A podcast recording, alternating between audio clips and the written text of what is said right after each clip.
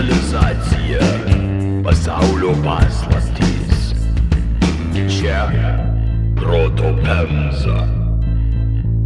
O šiaip Latvijai žino jie patys apie jį. O taip, Latvijas gerai žinomas. Okay. Nes atrodo kaip uh, kietas bičias. Atsimenu tą Anbo skrydį aplink, aplink Europą, kuris man ros 2-3 metai po to buvo. Tai tik tai pasidžiaugsiu, kad daug mažiau gedo lėktuvai lietuviški negu latviški. Matomai iš viso šitą dalyką. Tai nieko nenoriu sakyti. Bet... Sveiki! Subtiliais oro slėgio pokyčiais tiesiai į membraną jum vibruoja podkastas Proto Pemza. Su manimi iš Vilniaus 140 km nuo Punsko sveikinasi iš po Latvijos kilęs tiesiog klidinas įdomių faktų Vilius.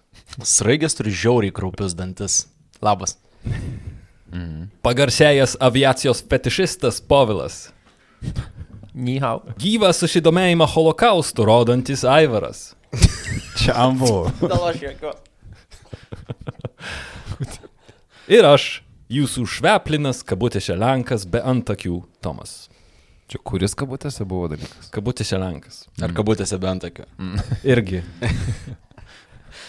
Šiandien šnekėsim apie kontroversiškiausią 20-ojo amžiaus Latvijos žmogų. Asmenį gyvenusi tiek playbojaus įžymybės, tiek pabėgėlio padugnės gyvenimus. Vadinamas Baltijos ereliu, Latvijos Limbergu bei Rygos skerdiku.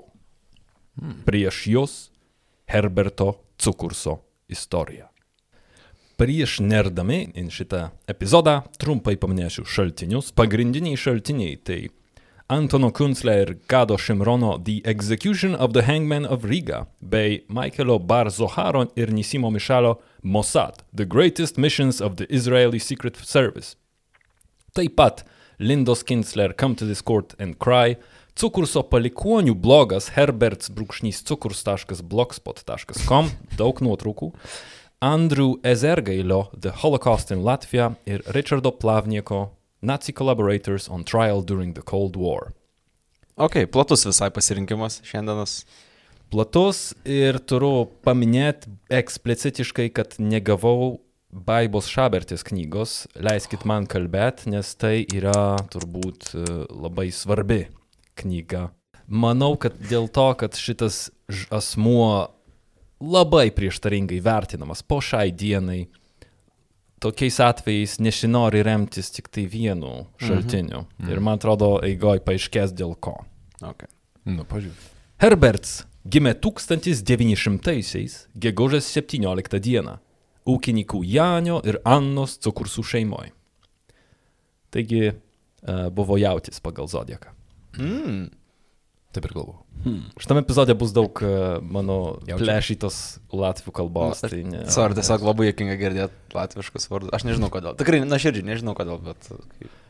Tėvai atsikraustė iš kaimo in Liepają, kur Janis atidarė dirbtuvę.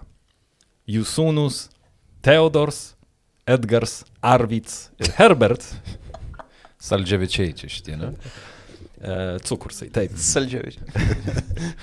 stebėjo ne tik taisomas mašinas ir gausiai įrankių išklotą tėvo dirbtuvę, ale ir sparčiai besikeičiančią multikultūrinę Latvijos visuomenę. Labai paviršutiniška Latvijos istorijos apžvalga, daugmaž nuo 12 amžiaus iki LDK padalymų Latvija priklausė supaprastinant vokiečiam.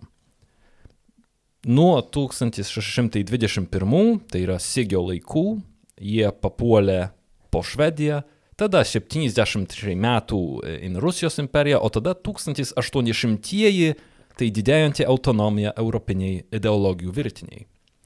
Nacionalinio atgimimo pulinys pratvyško 1905, ale buvo žiauriai nugesytas.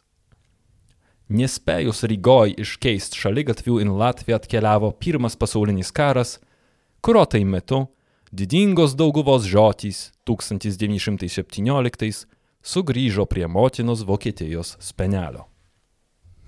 Ir štai 1918 pirmo pasaulinio karo nustekenta Vokiečių imperija nesugebėjo nugesyti Latvijos politinių jėgų. Nacionaliniai tarybai vadovaujantis Karlis Ulmanis 1918 lapkričio 18 dieną paskelbė Latviją nepriklausomą valstybę su sostinė Rygoj ir visais reikalingais dokumentais skelbiant naują valstybę. Į Nišorą, nukreipus savo impotencišką pyktį, jau Tarybų sąjunga išsyk deklaravo Latvijai karą. Pirmininkas Ulmanis drąsiai pasitraukė už 16 mm pabūklų Liepajoj prisišvartavusio laivo Saratov ir su Britų, Prancūzų ir Lenkų pagalba Latvijai išsikraujavo savo nepriklausomybę. Ir štai 1920 kibo statytis valstybę. Ir kad visi žinom, pirmą kartą statyti valstybę yra lengva ir malonu. Mhm. Sorry, aš biskį išsiblaškęs šantė. Kažkaip galvas skauda. Skauda galva, kamuoja nemiga, burnoje aptinki neįtikėtus metalinius objektus, išbandyk egzorcistą. Egzorcizmai 365.lt suras specialistą, kuris padės atsikratyti visų simptomų ir dar daugiau. Bildukai, poltergeistai, demoniški apsėdimai, astralinės būtybės, neprašyti tarpdimenciniai svečiai bei daugelis kitų problemų, prieš kurias šio laikinė medicina yra bejėgė. O yra kažkokia, duok koduką, kokį mano mašina dar nešventinta kaip tai. Žinoma, užsisakyk kanalinį čakrų valymą arba švento bonifaco ritualą ir gaus nemokamą šventinimą automobiliams ir žemės ūkio technikai iki 77 mechaninių arklių galios. Galima dviejų reikės. Raminamosios. Raminamosios inkantacijos gynybiniai ir puolamieji, šventinimai, relikvijos namų statyboms ir daugelis kitų prekių ir paslaugų. Nerandi norimų specialisto? Ne problema. Eik į egzorcizmai 365.lt slešas PL ir išplėsk paiešką į geriausius Europos ekspertus. Tai, tai yra kažkokias kodas, yra nuolaida su kodu PEMZA. Nėra! Ir taip pigu, nes egzorcizmai 365 nemoka mokesčių. Wow, tikrai pigu. Už sutaupytus pinigus keliausiu atostogų. Ir keliausiu ramus. Be spėlionių, be išmislų. Egzorcizmai 365.lt. Slash PL. 365 LT.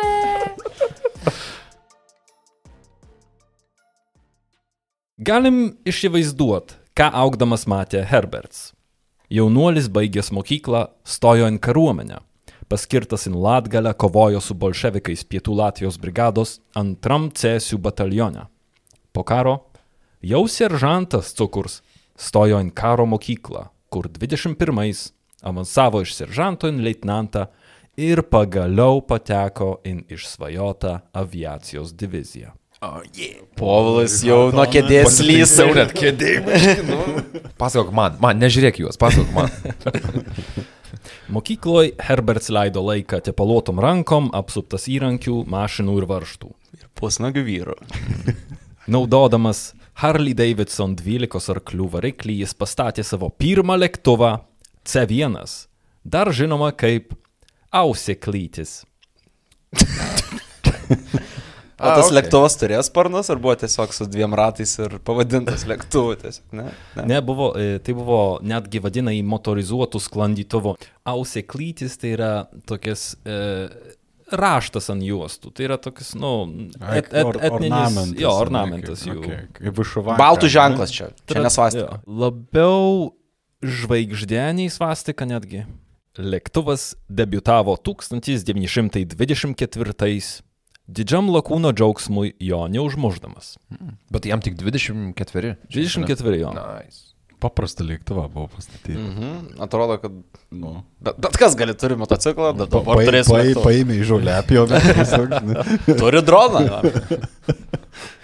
Karinis lėktuvas. Bet toks nekarinio garso. Jo, ir tik 3 metrai nuo žemės gali. Cukurs atskrenda.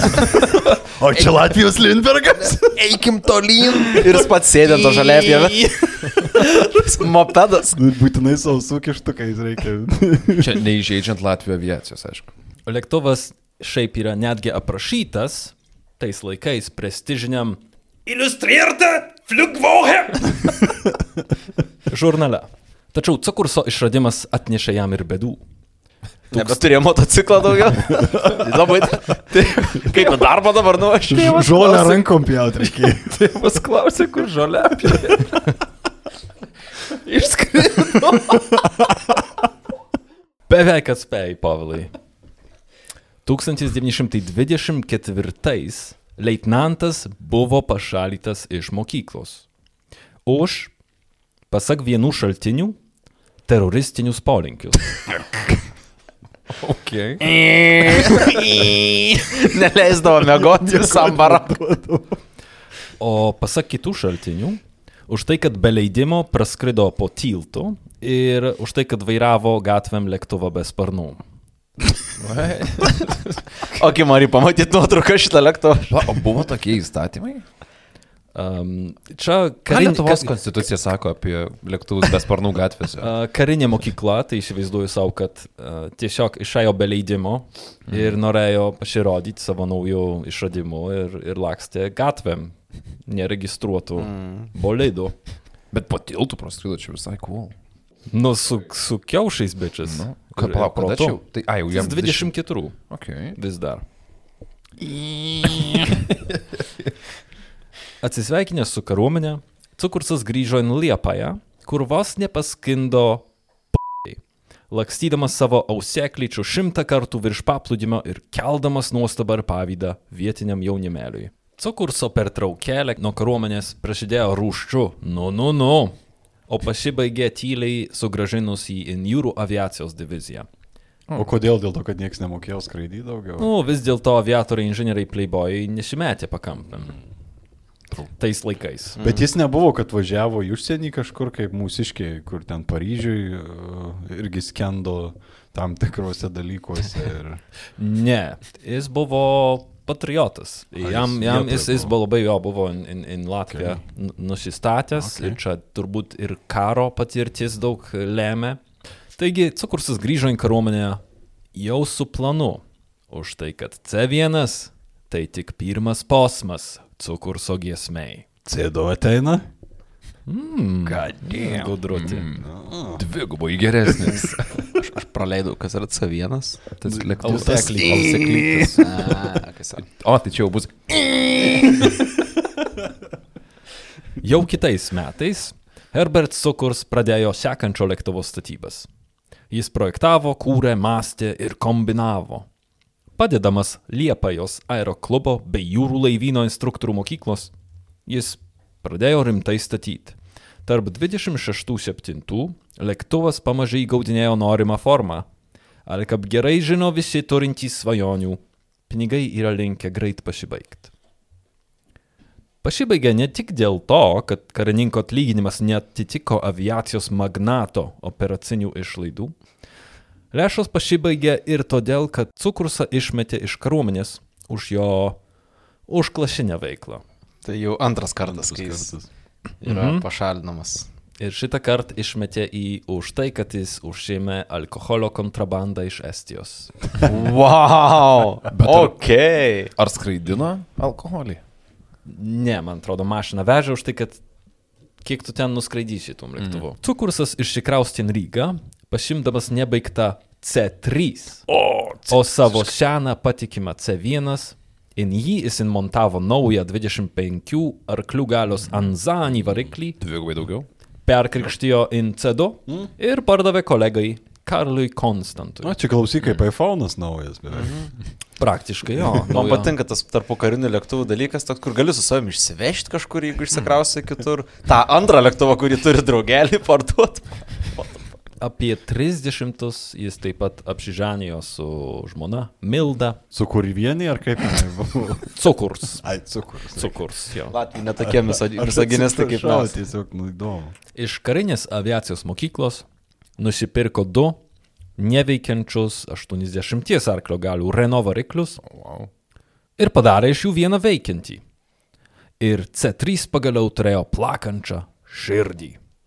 Gudrus lėktuvo dizainas iš vis leido iškeisti variklį ant tobulesnio, kad ateis geresni laikai. Tai jis jau iškart su tą mintim statė, kad, nu, čia tokie, ot, prancūziški, kaip gausiu geresnį, tai tada bus. Tada pamatysit. Ir štai 1930 balandžio 28 pirmą kartą ant padangės pakilo C3. Herbert Cukurs pagaliau pastatė savo išsvajotą, naujausią, tobuliausią dvivietį monoplaną. Ir pakeliui visiškai išsiplovė iš pinigų. Tai turėjo lėktuvą, vieną tuščią vietą jame ir nulį kešą. Būtent, jo. O jam kas nors padėjo juos konstruoti, nes tau vis tiek reikia angaro arba kažkokios tai vietos. Jo.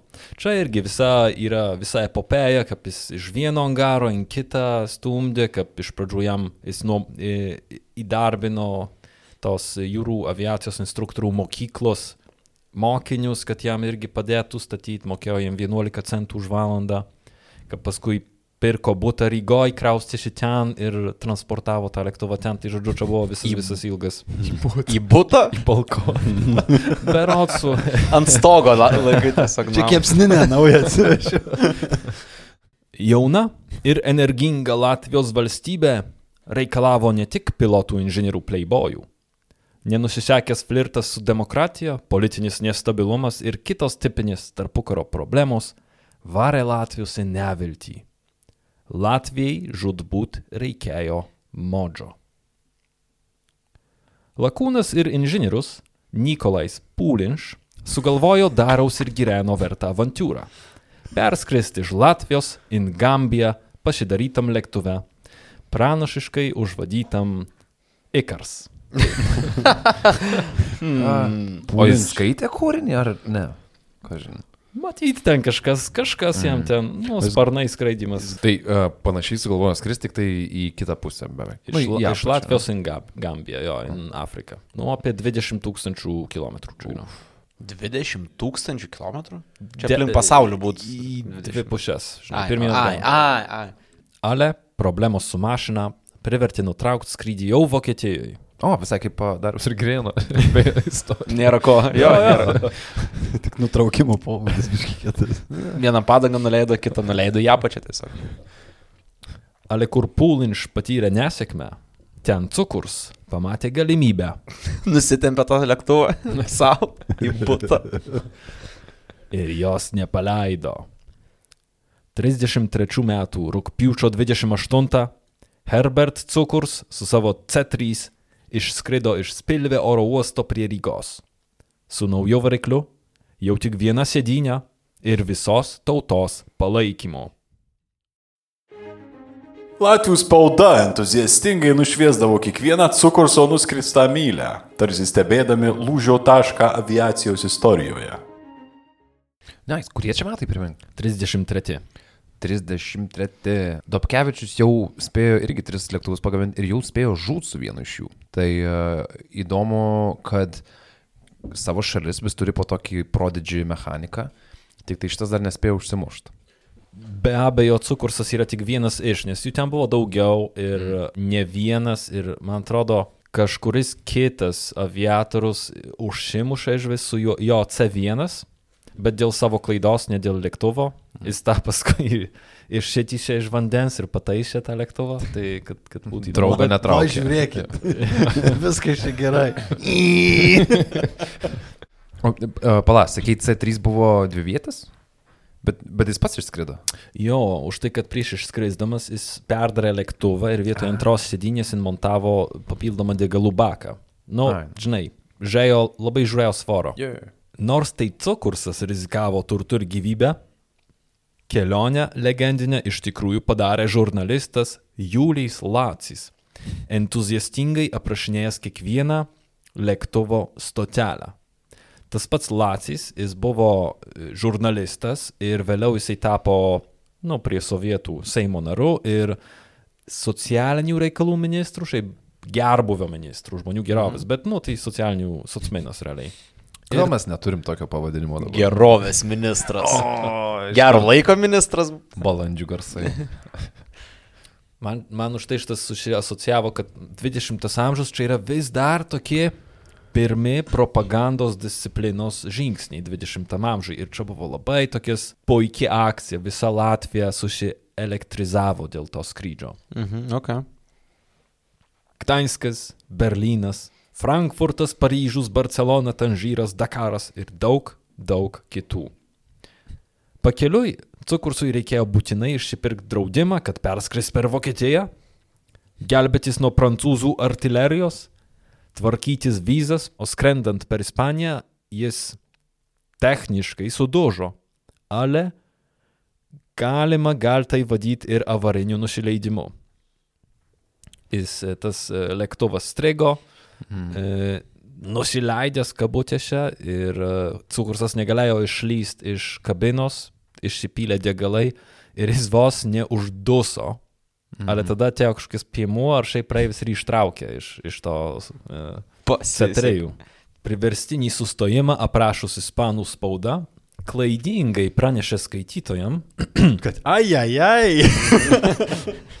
spauda klaidingai pranešė skaitytojam apie cukurso lėktuvo pavadinimą. Pavadinimą, kuris cukursui visai patiko ir prilipo. Elžolio pievo. Pavadinimas Kurzemės hercogienė. Arba Kuršos hercogė. Okay. Jie patys sugalvojo jį? Ar kaip? Iš kur jie ištraukė tą pavadinimą? Vat ir nežinau, blogas nepaminėjo, iš kur jie ištraukė šitą pavadinimą. Ispanija tiesiog žinomas kuršas yra nuo senų laikų. Bet man įdomu, kad dar niekas nepaklausėt apie, kodėl Gambija iš visų tų šalių. Ogi Ai, ne, Gambija. ne, pala, pala, mums neįdomu. Todėl ir nepaklausiu. Ai, sorry, gerai. Tai einam toliau. Teskim, vėliau sužinosim, turbūt norim ar nenorim. Galų gale 33 metų lapkričio 3 Kurzemės hercoginė nusileido Gambijos sostiniai Bandžiulyje. O Tomai, kodėl Gambija? kodėl Gambija išsirinko kaip tikslą? Nes Kuršos hercogystė 17 amžiui turėjo savo koloniją Gambijoje. Tai čia La- Latvijos imperinis skrydis buvo Latvijos- atstatyti Latvijos didybę. Už jūro koloniją, jo, jo. Nice. Iš dalies. Uh, ir kažkada tikrai apie tai padarysime epizodą. Jau aš seniai aštrinu dantis dėl, dėl tos kolonijos. Taigi, nusileido Bandžiulį ir visa Latvija skaitė apie lakūno pasiekimus, netikėtus nutupimus, gendantį variklį, malariją, smėlio audras ar egzotiškus vietinius. Ir vėliau, aišku, Cukursas parašė bestsellerį Mans lydojums už Gambijų, mano skrydis į Gambiją. Tai jis visai pasinaudojo tą progą išsikešinti savo tą visą gautą dėmesį. Labai smart, man įdomu, ar kai žurnalistas apie tai rašė, suvokė, ką daro būtent tam, tam lakūnui. Man Kad atrodo- sutikė jam galimybę tapti tokia rockstaru realiai, ne? Tokia- Man atrodo, kad jis žinojo, ką daro. Greičiausiai. Jis, jis atrodo vienas iš nedaugelio susivokusių, kokią galę iš vis duoda propagandos įvaldymas. Okay. Šiandien pavadytum viešais ryšiais, bet, mm. nu, čia. Bet vis tiek, bičias, 33 pasidarė pats lėktuvą, nuskrido juom į Afriką. Čia yra Niekieno neprašytas. Įspūdingas pasiekimas. Įspūdingas tikrai, pasiekimas, jo. jo. Visais, visais metri, visom metrikom. Nemanau, kad mūsų e, lietuvių mechanikai tiek buvo išmesti iš mokyklų. Gal. Kiek uh, cukurs. Jo, šiaip. Nes kaip supratau, du kartus jisai buvo išmestas. ne? Nu jo, du kartus. jam du kartus pasakė, kad tu pats išsiaiškink, kaip čia sukonstruoti. Ir sukonstravo. Ir, ir mokėsi gal ir nedaugiau iš visokiausių užsienio patirtį turinčių žmonių, tas pats. Lietuviai? Nu, Jo, Prancūzijoje jo, mokėsi jo, jo. Paskui amerikonai atvažiavo, ne Mhm. Adamkaus ten kažkoks. Adamkevičius. Adamkevičius. Latvių fan klubas, matau, įsikūrė biški čia protokams, bet... Atsiprašau, Ne, ne, lietuvių lietuvių, klubas čia. lietuvių. Taip, taip. mes apie jo, apie, kad lietuviai turėjo Skraidink lėktuvą lietuvišką, kaip sako. tvarkingą A, o teisė. mokymąsi. Sugrįžusį cukursą 7000 Liepajos minė pasitiko kaip herojų. Akimirka, kai cukurso batas palėtė Liepajos žemę, jis oficialiai tapo Latvijos Tony Starku. O mes tikrai žinom, kad jis į Gambiją, pavyzdžiui, tikrai nekokį uh, Rygas Balzams eksportavo. Arba, arba atvirkščiai, parsivežti važiavo kažko iš, iš tenai. Iš Gambijos jį labai greitai išspyrė už tai, kad tai dar buvo Britų kolonija ir su Britais jis nelabai sus- sugyveno. Britai pasiprašė daug pinigų už tai, kad jisai uh, angarą laikytų tą lėktuvą. Ir nesusitara iš anksto, pareikalavo paskui daug pinigų iš jo ir jis ten kažkaip dar nusidėrėjo, bet labai greitai iš ten išskrido, nes... Nes jis buvo per pagarbos vietiniam, o Britam nepatiko, kad jisai mm. kaip lygus su lygiu šneka Jo, su tais jo. vietiniais. Bet Gambiją jis paliko kaip uh, įspūdį padaręs europietis. Visur pakeliui jį pasitikdavo mm. su ir kiti aviatoriai, ir vietiniai, nes jis jau buvo sensacija dar prieš atskridęs. Mhm. Herbertą pasitiko minios, vakarienės, interviu gėlės, o netgi valdžios dėmesys. Latvijos smetona, Karlis Ulmanis įsakė sugražyti cukurso į kariškio statusą ir suteikti jam kapitono laipsnį, o taip pat dovanoti jam namą. Puikiai. Puikiai. Puikiai. O kad gyvenimo serviruojamų orgasmų nepasirodytų per mažai, cukursas taip pat laimėjo Harmono trofėjų. Kas yra, jei gerai suprantu, kažkas tokio kaip e, Hugo apdovanojimai aviacijai. Nu, Oskaras. Žodžiu, iki cukurso tą apdovanojimą laimėjo Lindbergas, Limbergienė, Mhm. a, Amelija Earhart. Tai žodžiu, nu, tokie visai girdėti. Ale mūsų herojus nenugulė ant laurų. 36 jis užbaigė savo sekantį lėktuvą. C6, 3 zvaigznės. 3 žvaigždės. Į C3 įdėjo naują variklį ir irgi kažkam Ir pardavė. padvigubino numerį, nebe 3, o 6. Šitą žaliapį pats tėvas. Prezidentas pats atidavė tikriausiai. Gražinkit šitam vyrui jo žoliapjovę. Prezidentinė žaliapėvė skamba toks kaip lėktuvas, bet prastas, bet vis tiek lėktuvas. Lawn Force One.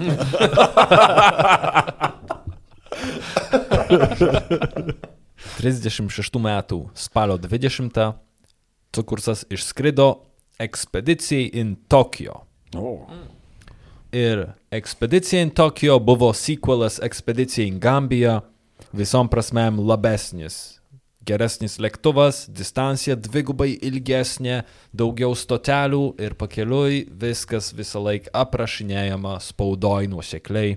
Čia įdomus laikotarpis, nes um, Vaitkus tuo pačiu metu skrido 35, tai čia 36, čia yra išaugęs tokių uh, crazy atstumų ir skrydžių laikas. Mm. Tai yra su prizais žmonėm, kas motivuoja skristi, mm. tada šiaip šlovė, a, pakyla technikos lygis smarkiai ir visa tai pradeda darytis a, tokiam kaip ir rungtynėm savotiškom. Mm. Tai įdomu, kad neplenkia ir Latvijos šitas dalykas. Mhm.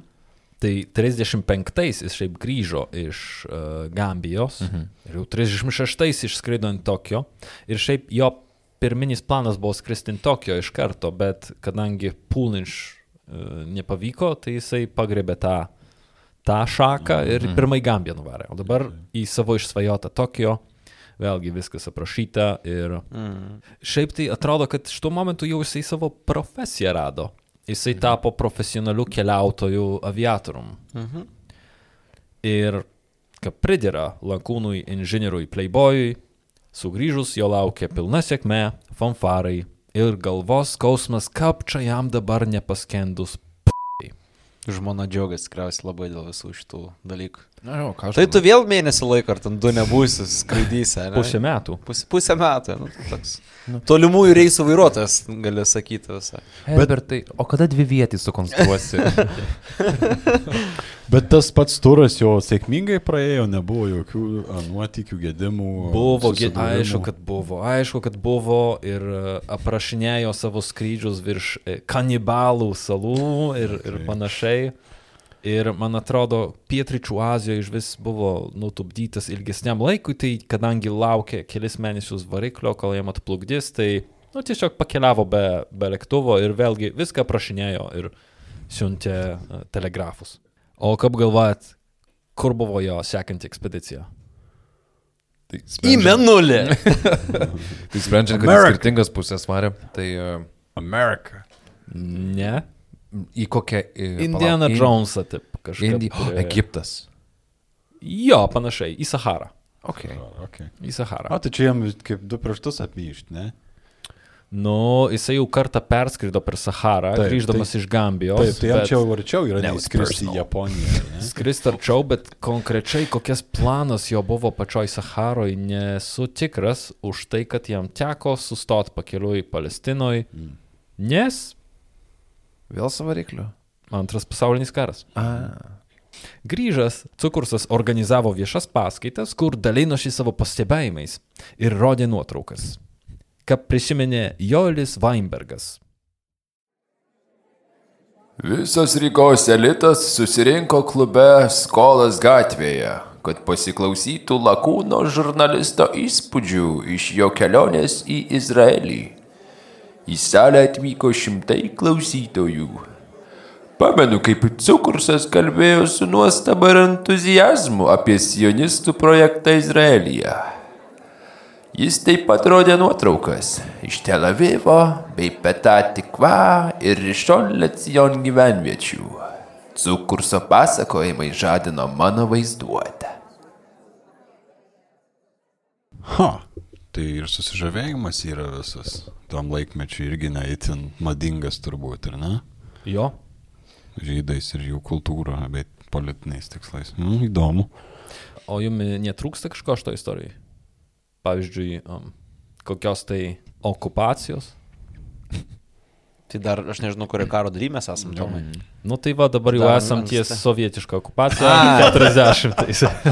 Jasna? Ačiū, kad paklausė. 40-ais sovietinė okupacija ir 41-ais vokiška. Nespėjus suplevesuot svastikom, Latvijoje įsigaliojo Generalplan Ost. Birželio 22 vokiečių tankai kirto Latvijos sieną. O jau birželio 23 užgėdojo pirmi genocido vieversiai. Liepos 21-27 Rygoje išdygo geto sienos. Gatvėse pasimatė visiems gerai pažįstami holokausto pranašai. Vieši žeminimai, raiščiai su Davido žvaigždėm, judenratai ir šliaužanti eksterminacija. Gete suvarytų žmonių skaičius greit pasiekė 30 tūkstančių. O jų persekėtųjų gretas pildė įvairaus plauko saviveiklininkai ir padugnės. Dalis jų viso labo sveikinantys sovietinio teroro pabaigą. Kita dalis - oportunistai ir išgamos, ištroškę kraujo ir svetimo turto. Mood change. Jo, staigiai. Liepos ketvirtą laikraštį Tevyje pasirodė toks skelbimas.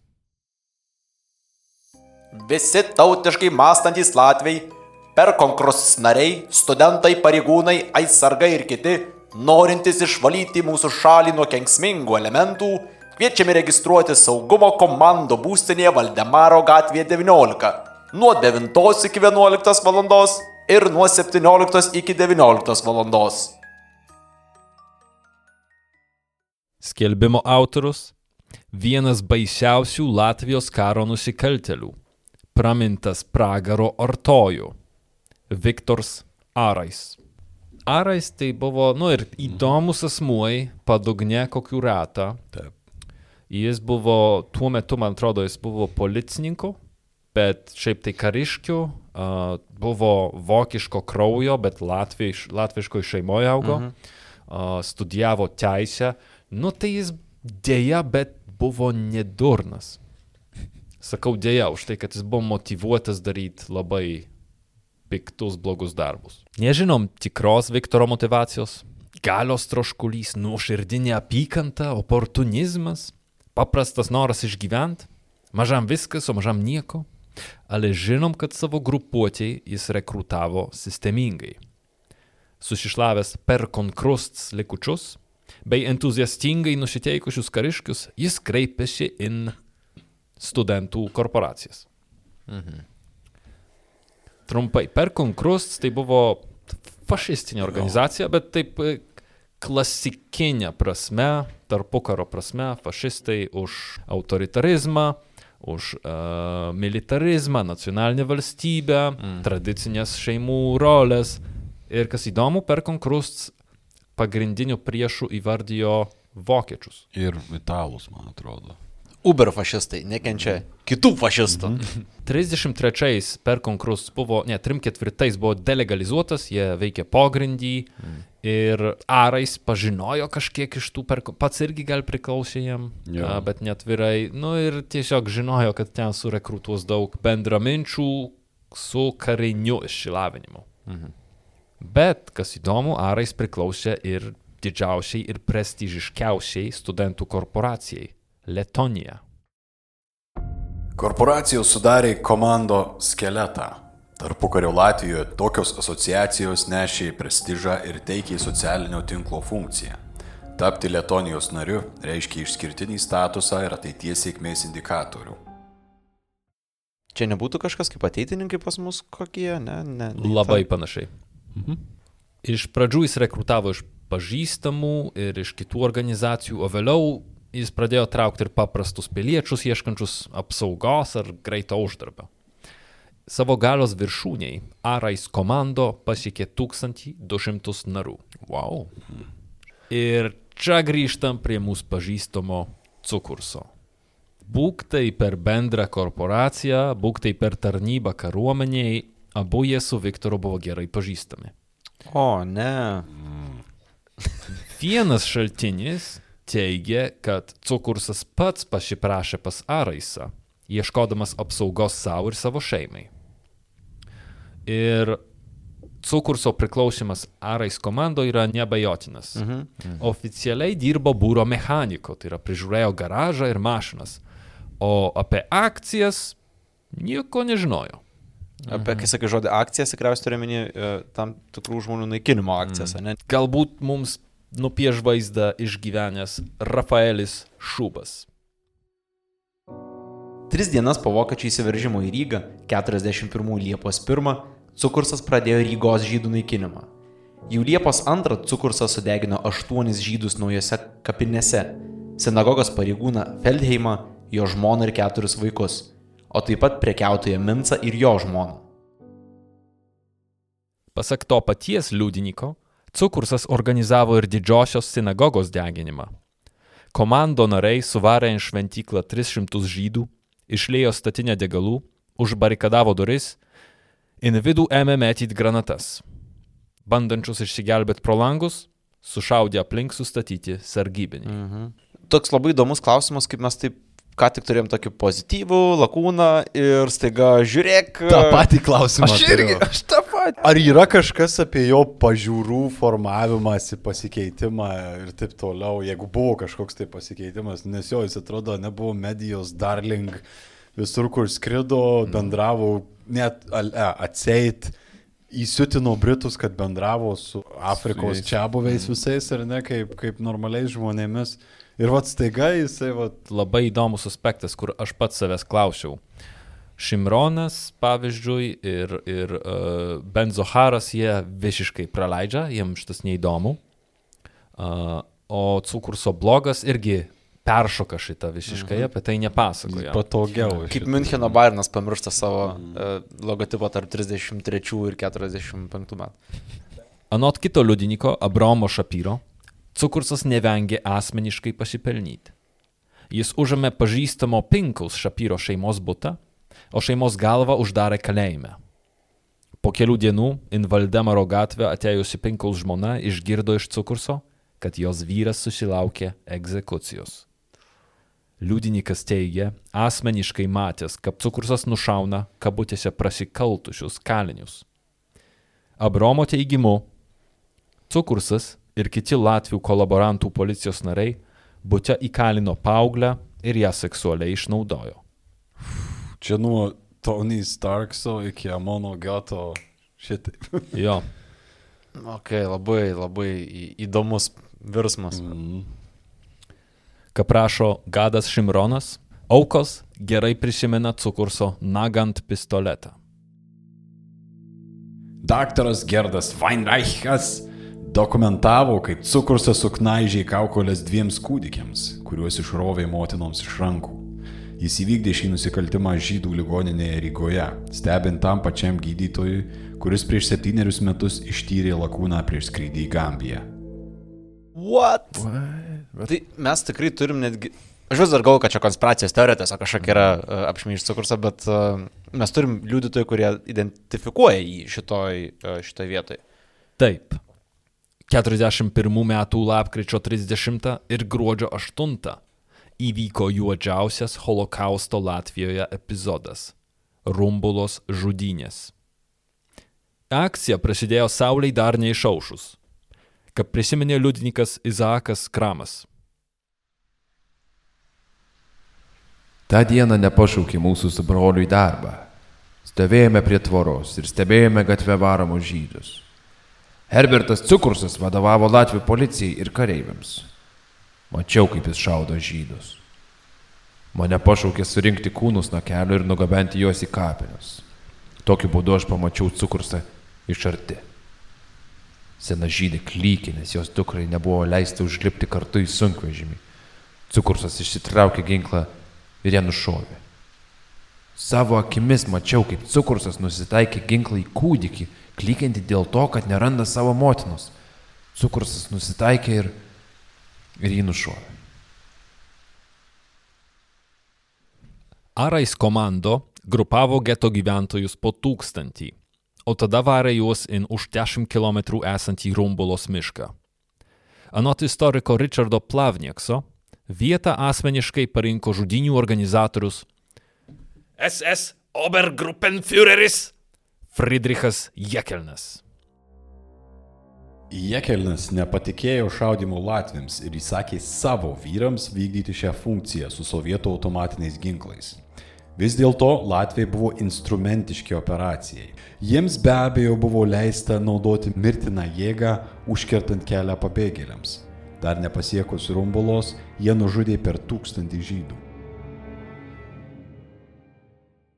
Atvykusim įsakyta nusirengt, o tada liptin kūnų pripildytą duobę. Jau anksčiau mhm. podcast'e minėtas Jekelno sardinių metodas. Mhm. Išgyvenusi žudynės, Ella Medalija prisiminė savo susidūrimą su pačiu pragaro artoju. Išgirdęs merginos maldavimus, kad jinai priklauso arijų rasiai ir yra viso labo žydo žmona, Viktors Arais jai atsakė. Čia yra vien tik žydai. Šiandien žydų kraujas privalo tekėti. Merginą išgelbėjo kitas prižiūrėtojas, atpažinęs ją iš anksčiau. Tačiau to paties pasakyti negalima apie 25 tūkstančius kulkomis Anapilin pasiūstų rumbulos aukų. Antros didžiausios rytų Europoje žydų žudynės po Babi Jar Ukrainoje.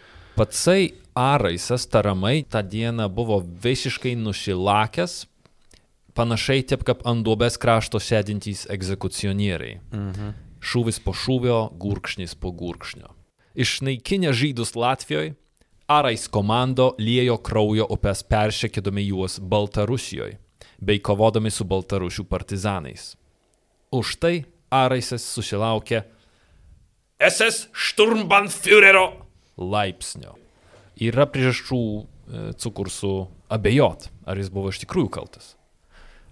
Bet mes kalbam apie liudininkus, kurie matė jį. Taip, bet Amerikos Latvis e, istorikas Andrew Ezergailis pastebi, kad liudininkų niekas neapklausė, teismo procesas neįvyko, kur galima būtų surišti liudininkus ir, ir patikrinti, mhm. ar jų uh, parodymai atitinka vieni kitus. Ar jie sakydami cukrus visi turi tą patį asmenį iš viso, ta prasme. Gal žinai, tampa baubas kažkas ir tas baubas įgauna vardą. Hmm. O buvo kažkoks kitas panašaus vardo ar pavardės žmogus, kuris galėjo tuo metu veikti? Ne, tačiau ką Ezergailis pastebi, kad tai galimai buvo vienintelis vardas, kurį visi žinojo. Cukursas buvo superžvaigždė. Mm. Tai jie paėmė superžvaigždę ir staiga iš jos padarė baubą. Matai, gal vienos. Jo, čia yra viena versija. Logiškiau būtų, kad jie iš Araiso tai darytų, ar ne? Kad ar jis nežinojo, gal Araisas.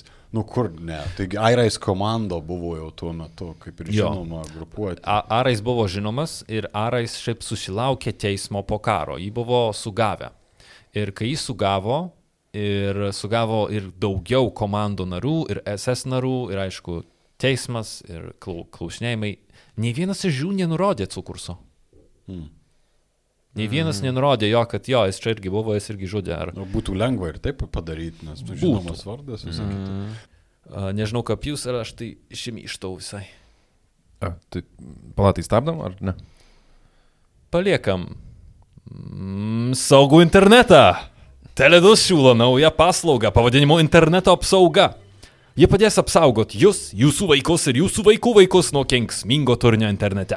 paslauga atpažįsta užkrėstus puslapius, perspėja vartotoją ir užblokuoja prie jų prieigą. Su jais jūs atpažysit, ar elektroniniai parduotuviai, ar e-bankininkystės portalas yra tikri, o kur hakeriai ieško naivaus briedžio kortelės duomenų. Nu jau viską pasakėm. Saugumas! Paslauga apsaugo ne tik kompiuterį, bet ir kitus išmaniuosius įrenginius prisijungusius prie teledu tinklo. Ir patogumas. Da prašė paminėti, kad nereikia nieko daryti, tik užsisakyti laisvą internetą ir Wi-Fi automatiškai apsaugotas. Ai, dar personalizacija. Galima nusistatyti blokuojamų puslapių sąrašą, netgi rinktis pagal kategorijas. Teledu interneto apsauga. Linkas nuolaidą epizodo aprašymė. Teledu. 1964. Sao Paulo.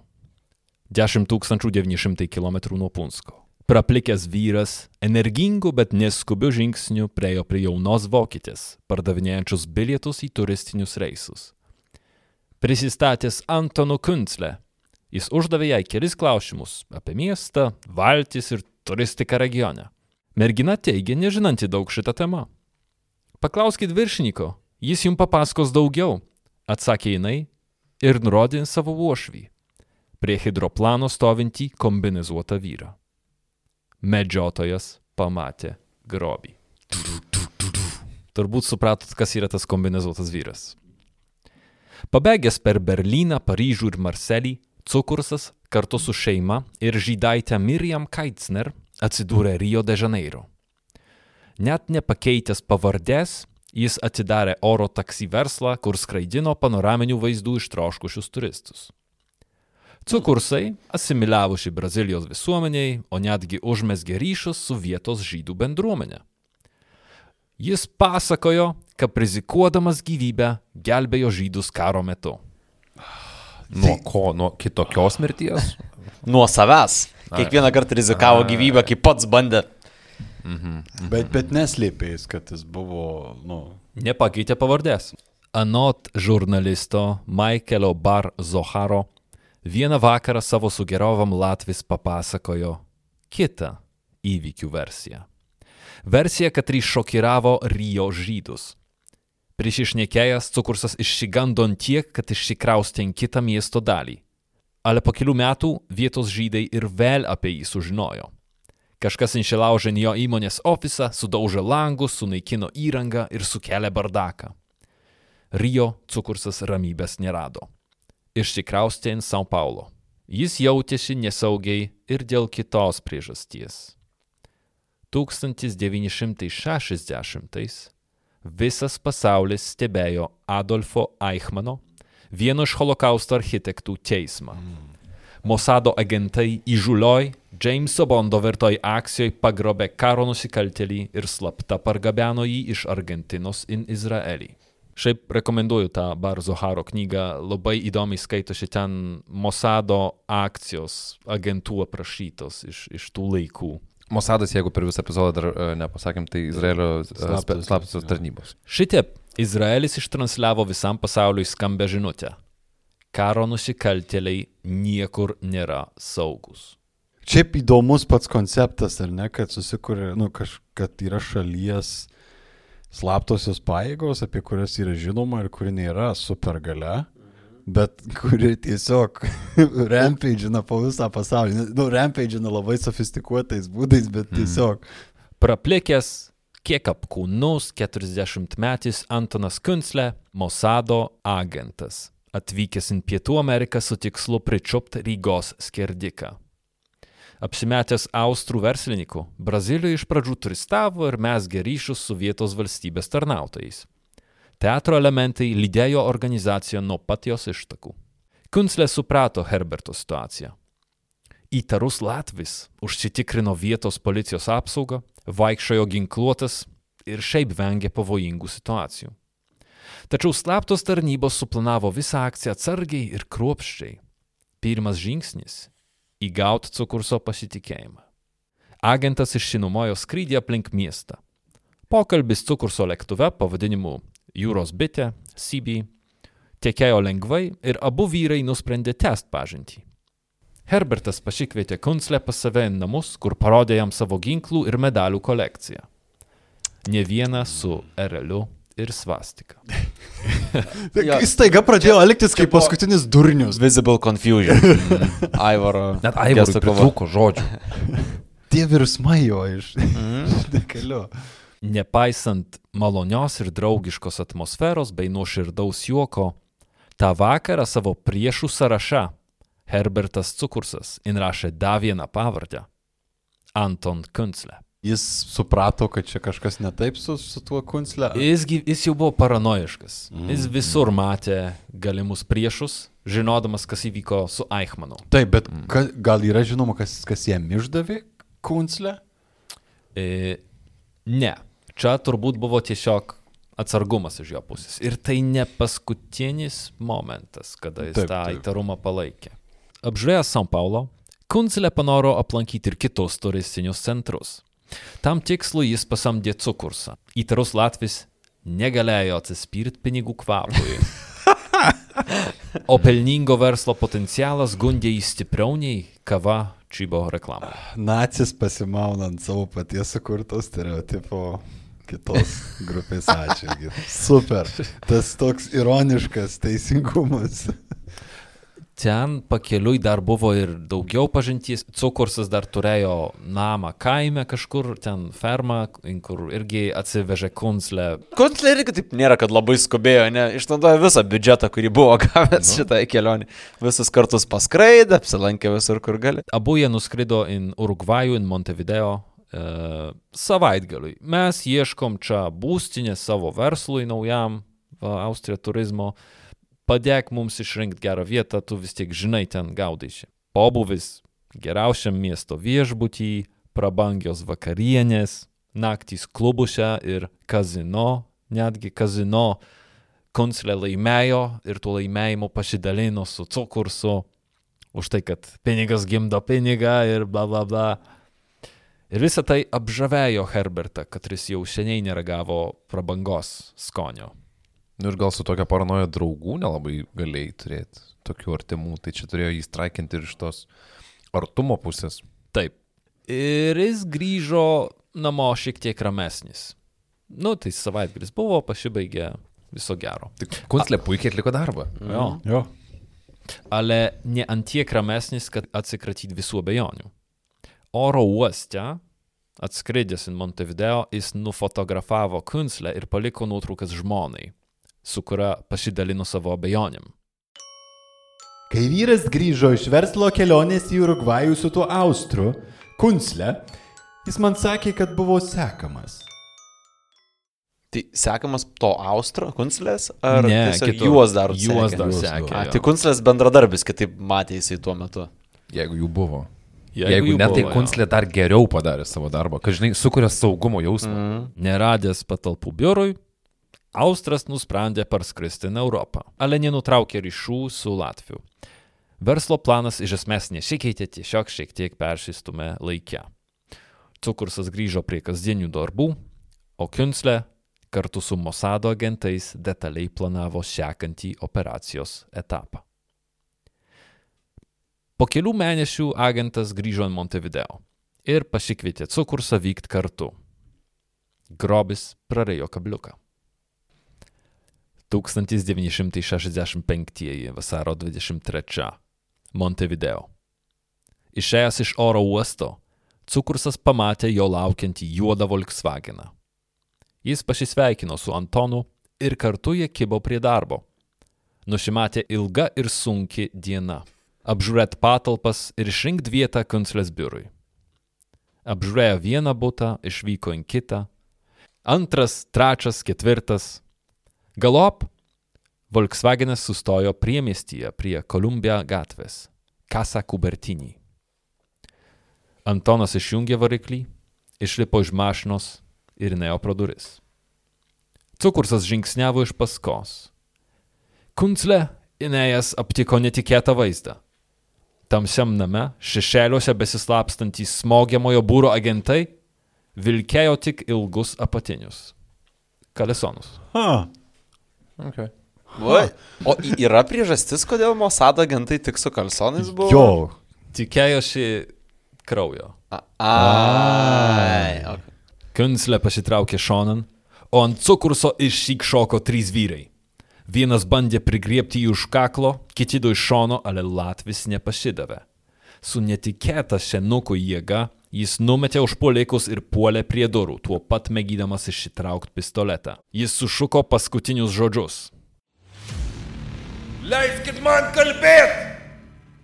Mosado agentai uždengė jam burną ir vienas jų trenkė Latvijui kūjų į galvą. Silpnybės akimirkos pakako, kad kitas užpuolikas pagaliau pribaigtų cukursą. Samišis pasibaigė dviem šūviais į galvą. What? Ok. Grindys, sienos ir užpuolikai stovėjo aptaškyti krauju. Atsikvošėję, jie išvalė patalpas, nusiprausė, o cukurso kūną sugrūdo į tam tikslui nupirktą kelioninį lagaminą. Mafija style. Ok. Yra nuotrauka to lagamino. Ten, ten tas lagaminas, kur yra nuotrauka, yra jo kūnai. Ten tas pats lagaminas su jo kūnu. A, nu, matot, aišku, dabar kodėl toks didelis. Šiaip tą lagaminą Urugvajus vis dar laiko policija savo muziejui kaip Su relikviją juo? su krauju. Ne, be jo, bet e, Čia jo krūja. prie lagamino jie paliko raštelį.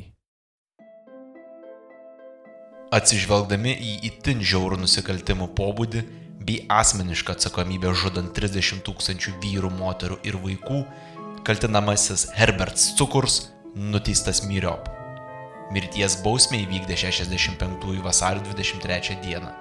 Tie, kurie niekada nepamirš. Eksfiltravę, jie išsiuntė tokį pat raštą vakarų Vokietijos žurnalistam, nurodydami tikslų adresą, kur paliko cukurso kūną. Laikraštų redakcijos palaikė žinutę pokštų, ale tokį patį raštelį gavo ir žurnalistas iš Montevideo. Lagaminas su kūnu buvo surastas kovo 8, daugiau nei 10 dienų po egzekucijos. Įdomu, kas ten buvo nutikęs su juo. Pietų Amerikos šilumoje jo. jo. Harčio. O, toks cukrinis.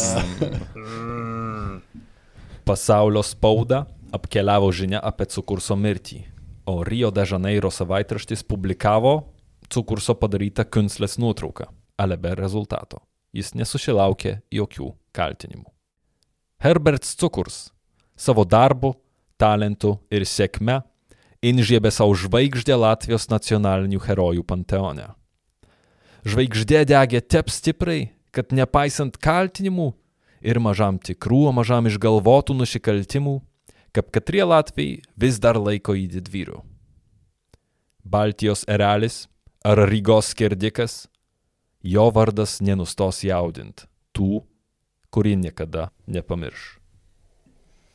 Wow, kiek atrodo, turi papasakoti istoriją ir viskas turėtų būti aišku, bet visai neaišku. Šiaip. Aišku, kad nebuvo jisai e, geras turbūt e, žmogus, specialistas, ten toj pirmoji daly daugiau norėčiau, kai kitą kartą šnekėsim apie šitą istoriją, apie tą pusę pa, pa, pašnekėti. Bet uh, atrodo, kad lyg ir gavo ko nusipelnė, bet visa ta istorija, uh, kurią ačiū, kad papasakojai, labai buvo uh, įdomu ir labai greitai viskas pasikeitė per, kelias, per, kelias, per kelias sakinius, atrodo.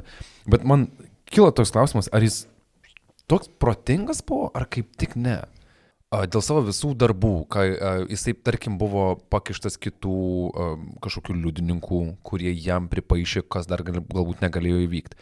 Ar jis padarė kaip tik tuos nusikaltimus, bet taip a, sumėtęs, tarkim, savo pėdas, kad tu pradėtum abejoti netgi ir tokiais kaip ir pateiktais įrodymais. Aš manau, kad buvo gudrus lapinas. Nu, jeigu šitiek laiko sugebėjo po to prasislapstyti.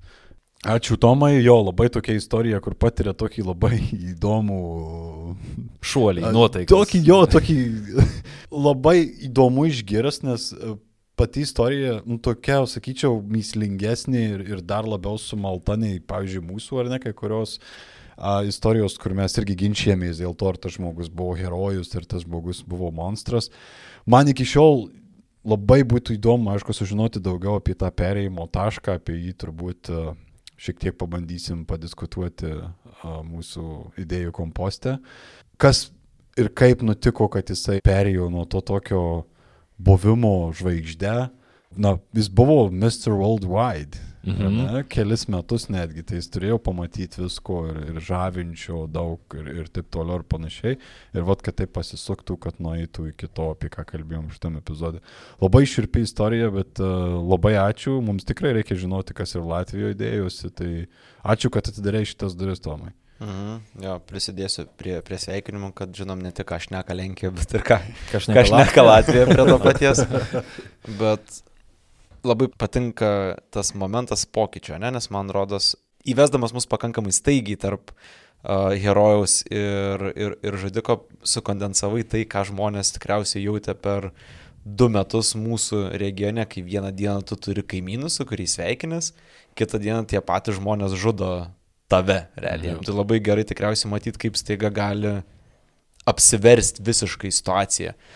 Tai gal uždarom lagaminą šiandien? Jo. ne? Biški pasmardinsim dar kitą savaitę šitą temą, bet manau Jo. visai bus įdomu paspekuliuoti. Tai. Taip. Uh, Jeigu norit geriau kvepiančių naujienų, tai visą laiką uh, Ateikite į Facebooką, ten yra nuoroda į ką šneka Lenkija, ten yra kito pobūdžio tragedijos, tokios kasdienės, smulkios, mažiau kraujo, daugiau ašarų.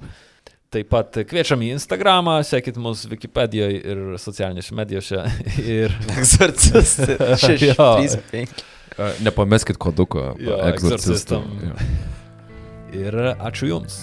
Ačiū. Ačiū. Ačiū. Iki. Iki. Bye bye.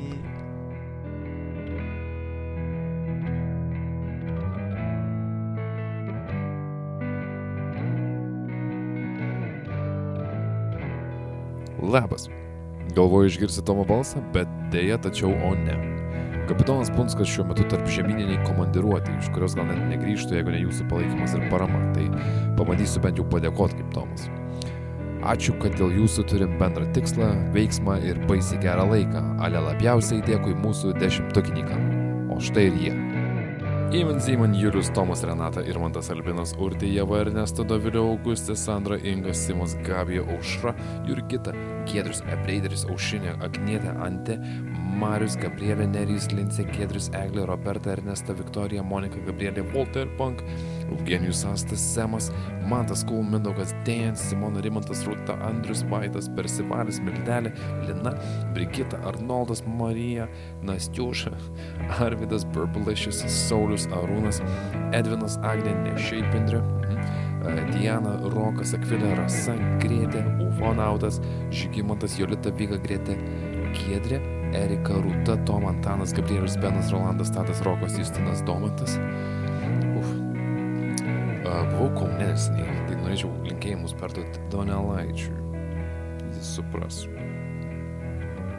Justinas Domantas, Aurimas Trū, Aurimas Jovita Eirime, Ainas Dominikas, Mikas Artūras, Evelina Mantvidas, Kukis Mūgis Gedaminas Džin, Dominika Simas, Eglė Justinas, Kunigunda, Venskūnaitė, Aurita, Šarūnas, Jūri, Lina, Stepan, Akvilė, Štrimaitytė, Arminas, Donelaitė, Meškis, Marius, Rytenė, Treigytė, Gabrielė, Melita, Marijus, Martinas, Žygimantas, Jonas, Justė, Edvardas, Mykolas, Edita, Arūnas, Kamilė, Lukas, Saulis, Ruta, Benas, Dominikas, Rasa, Aušra, Darislavas, Asta, Tadziekutis, Remigijus, Povilas, mhm, Greta, Eglė, Audra, Ingrida, Mikipūras, Vladislavas, Dovilė, Andrėlis, Simas, Marius, Domukas, Milda, Vaidas, Ponas Kliu, Greta, Agnė, Kučkaitė, Pitska, Jorinda, e, Simas, Povilas, mhm, Tomas, Eglė, Marius, Julija, Mantas, Robertas, Minugas, Pijus, Paulius, Vytautas, Deimantė, Mantas, Dėdė Tomas, Alvita,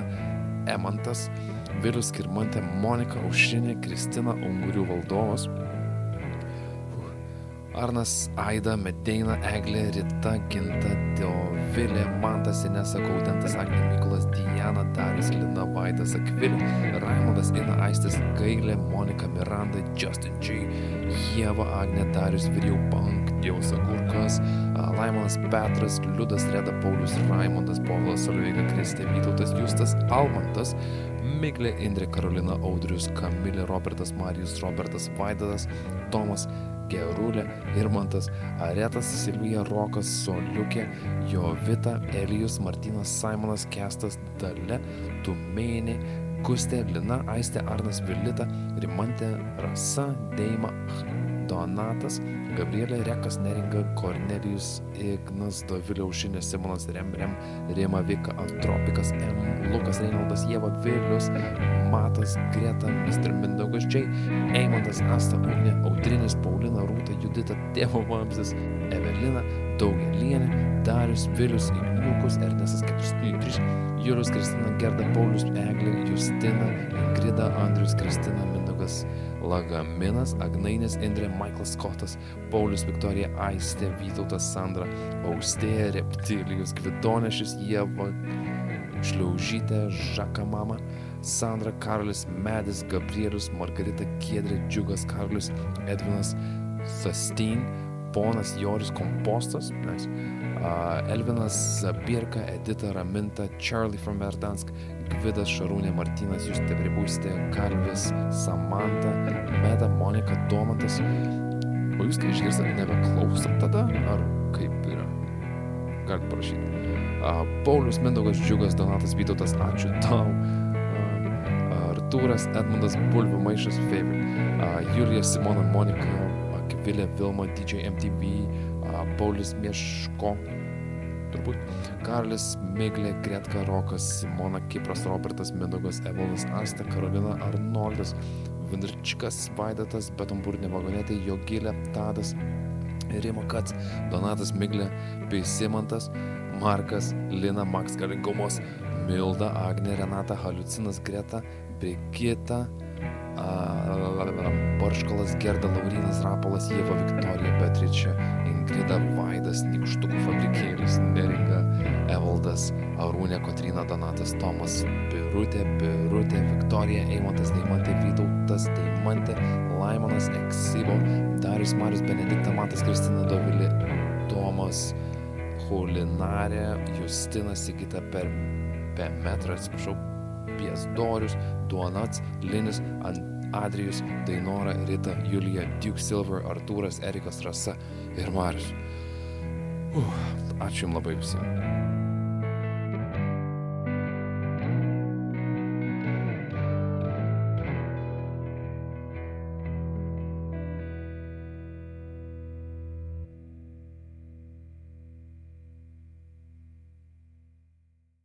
Toks ir kieta muzika turėtų skambėti iš uh, lėktuvo, net tyri, tyri, Bet girdisi tik. Ten groja iš tikrųjų, bet niekas nekirti. net jis pats.